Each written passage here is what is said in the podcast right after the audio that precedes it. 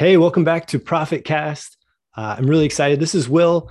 I am recording this episode uh, solo again, uh, mainly because Alex and I, at the normal time that we record these on Thursdays at 4 p.m. Eastern, uh, that's normally when we record them. But we have joined a, a, really cool coaching program by a guy, Taki Moore. So if you are familiar with Taki, if you're not, if you're in the business space, works with a lot of coaches, business coaches, incredible program and uh, we are getting onboarded with them last week and this week and it happens to be at 4 p.m eastern. So having to make these uh, on a separate time and uh, the last one is today though. So hopefully next thursday alex and i will be back at regularly scheduled times to do this.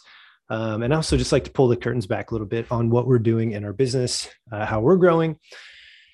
And yeah really the things that we put time and money and energy into. So really excited for that. Can't wait to share uh, our takeaways from what we're going to be learning inside of that program. But I did something super interesting uh, this week. Might not be interesting to you uh, if you're a marketer, though. You know, I head up the marketing side of our, our company here at Healthy Funnel, primarily for uh, pushing CEO Finance Academy. It's our core program. And uh, I went back and I, I, decided I would go rewatch all of our course material. Alex has made some updates to the back end course that we have for our clients and um, I decided I'd go watch it and get caught up again. I was looking for marketing ideas, wanted to get a good sense of, you know, just just rework uh, some messaging concepts. Like I really want to make sure I had a really good idea again of, of how I could convey what we're doing for our clients. And it was amazing. Like it was really cool to go back through it. If you haven't done this in a while, one, I went through it under the um, with the filter of pretending I was a prospect for us. If I were to go through this and watch it, what would I come away with? And uh, I, I, made a post about this. I wrote it out kind of in blog format uh, about some of the things that I learned uh, after doing this. And you know, if you're like me, you watch a 30 plus minute video on something.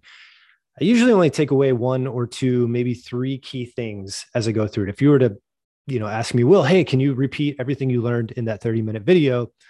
Zero chance. Like there's really very little chance I, am going to be able to repeat everything, but I could give you, you know, a couple of key takeaways. And so I wanted to recap those for you here. And if you're in the group watching this, I, uh, you know, in our Facebook group, Profitable Business Community, um, would love to hear from you on uh, what your takeaways have been lately about your own business finances. Uh, and if you're listening to this on the podcast, come jump over to the Facebook group. We'd love to have you there, Profitable Business Community and um, we'll get you in. And when you join, uh, you get access to uh, our entire free business finance course. So, all right, without further ado, here are the two biggest takeaways I came away with uh, from reconsuming and rewatching all of our content. The very first thing uh, that I realized as I was going through this is managing money is just like trying to get in shape. And if you're like me, like if I could if I could just flip a switch and be ripped, I would have flipped that switch yesterday. Like if I can make it happen that quick, it would be amazing. I would pay through the roof to just be ripped. And if it could, I could stay ripped and never have to to do any exercise uh, or eat clean. Like I would do it. I'd do it, right? But there's there's no easy way to do it, and it requires discipline. And uh, I I wrote this in the blog version of this, which is that the hardest part of discipline uh, is that it's easy not to do, right? I think for anything in life where, where you if you're a human, you're used to this. I think we've all met that, you know, that the very small percent you have somebody in your life who's just extraordinarily disciplined. Um, but it's really tough. Like, and oftentimes I see those people and I wonder, like, are you even happy? Like they, they're so, you know, rigid in their plans. Um, but when it comes to finances, just like getting in shape, you have to work the muscle, right? You have to be disciplined. You have to set aside time on your calendar to make sure that you find time to be checking in on this stuff. And uh, as I was watching, it actually brought up a little bit of uh, of feelings I used to have of, of just being scared and want to run away from my business finances. So Alex and I obviously run Healthy Funnel, but on the side, we we both have you know a handful of you know a few coaching consulting clients that we work with. Uh, who need something very specific that you know our skill set aligns with and we do that And uh, you know, I was getting up to over $6,000 a month in my side business a few years ago.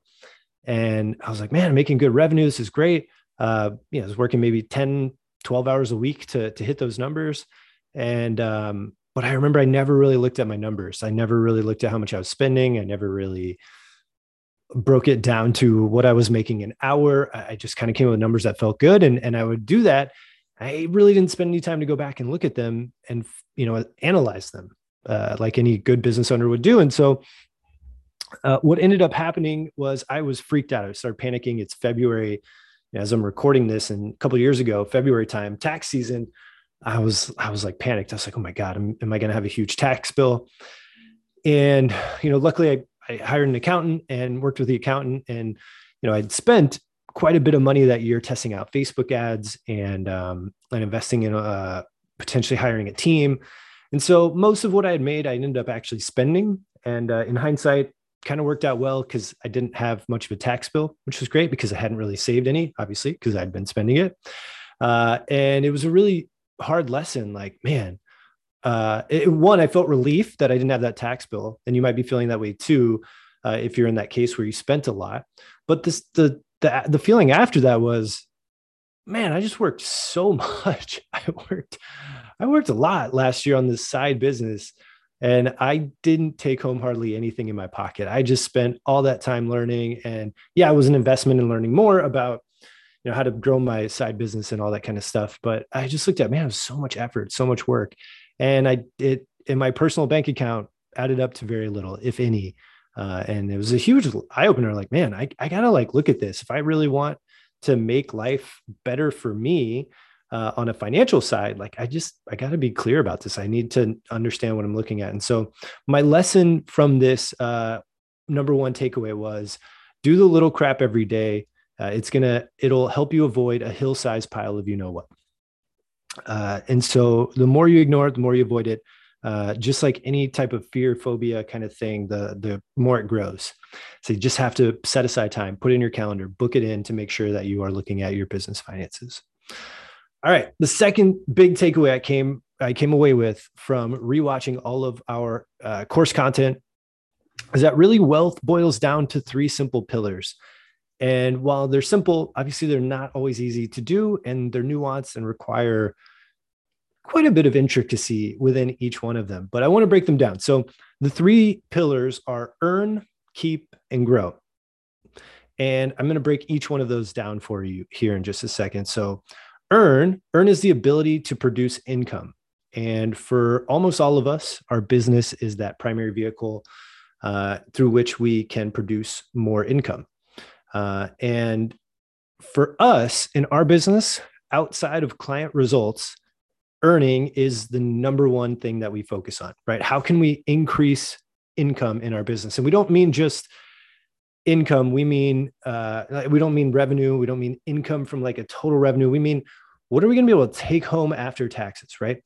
How much profit are we going to be able to keep each month? Now, if you count your salary as an expense, then, you know, how much are we going to make post your salary, right? What what's the point of uh, i hope you're not just making a business to be able to just hit your basic bare minimum needs i mean if you are great uh, i think most of us are driven we're ambitious we, we want to have uh, a path for uh, you know potential financial freedom and to do that one of the best ways we can do that is to increase our income and uh, why that is is because we're then going to take what we earn and turn it into into growth, which I'm going to cover here in just a second. But I don't think this is a surprise to anyone. You know, earning uh, is the first pillar of building wealth. Got to be able to earn income uh, for us to be able to eventually grow the money that we're making. And so for us, even you know where we're at in our business right now, the thing that we still hammer home the most, we focus on the most outside of serving our clients is ways that we can earn more income, which is marketing, sales, and client retention. So those are three things within there we really focus heavily on, which is how do we improve our marketing, how do we improve our sales process, and how do we retain our clients for longer? How can we provide them with continued services or additional services? If we can do that, you know, we're in a really good path uh, to be able to earn more because it lends into uh, the second piece, which is keep. But real quick, uh, the lesson I came away with from earning is I just wrote this out. I'm, I'm laughing just thinking about it. Is uh, one way that it's really hard to earn is to chase the newest thing. So if you're chasing after flipping NFTs or researching the one altcoin altcoin gem that's out there, uh, those typically tend to be a distraction. excuse me, from the thing that will most likely improve your income, which is just focusing on the things in your business like marketing, sales, and client retention. Cool. Let's go to keep. So keep is the ability to maintain the most amount of the the most amount of the money you bring in as revenue. Uh, we see this all the time. So we've got plenty of people, uh, clients that have come to us when they first join with us. They're doing, you know, revenue numbers that sound great. Especially a lot of them are solopreneurs. They've got a team of under five people, and they're doing, you know, 20, 30, 50, 70k a month. Uh, the problem is they're not keeping much of the money that they're earning. So they are oftentimes bringing in revenue numbers that sound great for the size of their business, but their profit margins are so small that sometimes they're not even taking home more than 3K a month post taxes, like into their personal bank account, 3K a month. Imagine making a 60K a month business in revenue, but you actually at the end of the month only have 3K in your checking account. That's, that's a lot of energy and effort to really provide incredible service to, to the marketplace, but there's not much in your checking account. And you know, the one caveat here is I guess if you're trying to build a business to be sold and you're in a long-term game, if I really want to, I'm willing to eat it for years and then eventually sell this, cool. If that's your personal goal, I could I could understand where you're willing to take the the the salary cut. You know, uh, even then, not not the path we would recommend. Um, but I, you know, in that case, I could I could see the argument for it. But otherwise, you know, so many people are just are just chasing after revenue numbers and not really building around profit. And so that was my lesson from going through our material again for the keep side, which is don't chase revenue, build your business around profit. I think profit gets a, a negative connotation. By profit, I mean literally margins that allow you to continue to build the life that you want. Okay, so that's keep. Uh, and then lastly, we have grow. And grow is the ability for your money to make you more money. And this is where pretty much all of us want to get to. Uh, and the only way that we're really able to get there uh, is when you have enough capital that you can set it aside to make it grow for you. And it's really interesting. We we see this in happen uh, in, in, a few different ways in which uh, we see a lot of uh, a decent amount of business owners who are nervous about they don't have a good sense of their business finances that they just hoard and i mean that in the, like a, a no, not in a negative light, just like they just store all of their uh, revenue inside of their business checking account and maybe a business savings account. And while it feels safe there, the reality is if you're got your your capital tied up in uh, savings accounts, you know you're probably getting 0.5% return on your money best, uh, and that's maybe one percent in certain cases. Whereas you know most people who are truly in the wealth game and, and the grow side are using higher return vehicles like the stock market, like real estate, or potentially becoming a stakeholder in other businesses. And uh, the problem is, most people don't know how to keep, most business owners don't know how to keep enough of their money. And by keep, we mean having personal reserves and having business reserves. And for us in our business, once we've hit personal reserves first, then business reserves second, and then having uh, essentially a growth fund for the business once those are they're in place money should be be be going to you and you should be able to look at how do i want to use this money to grow? So it could be a you know you want to get something now but ultimately how can you leverage growth vehicles out there where your money can actually make you more money? And uh and so what we do is you know a big part of what we do is help people is understand what's the path for you to be able to keep more of the money that you're earning. So it's just super, super, super important. And the biggest lesson I, I got from this was, uh, as I was watching this back, is in order to be able to grow your money, to hit the growth phase, you first have to be able to keep more of the money you earn.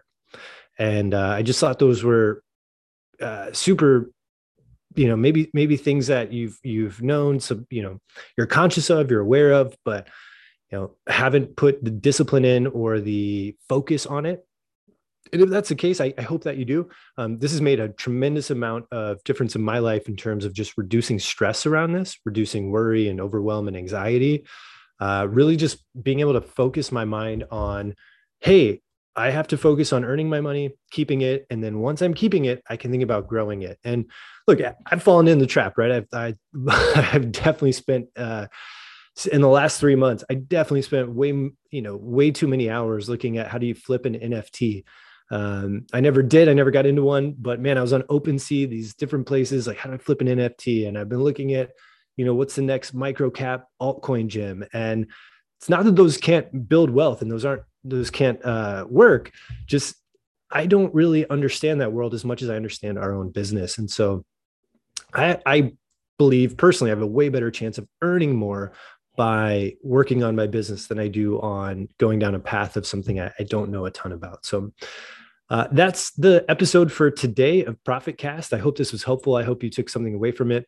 Uh, big things are, you know, managing your money and your finances uh, requires discipline, right? It's like working out. You have to do it. You have to set aside time.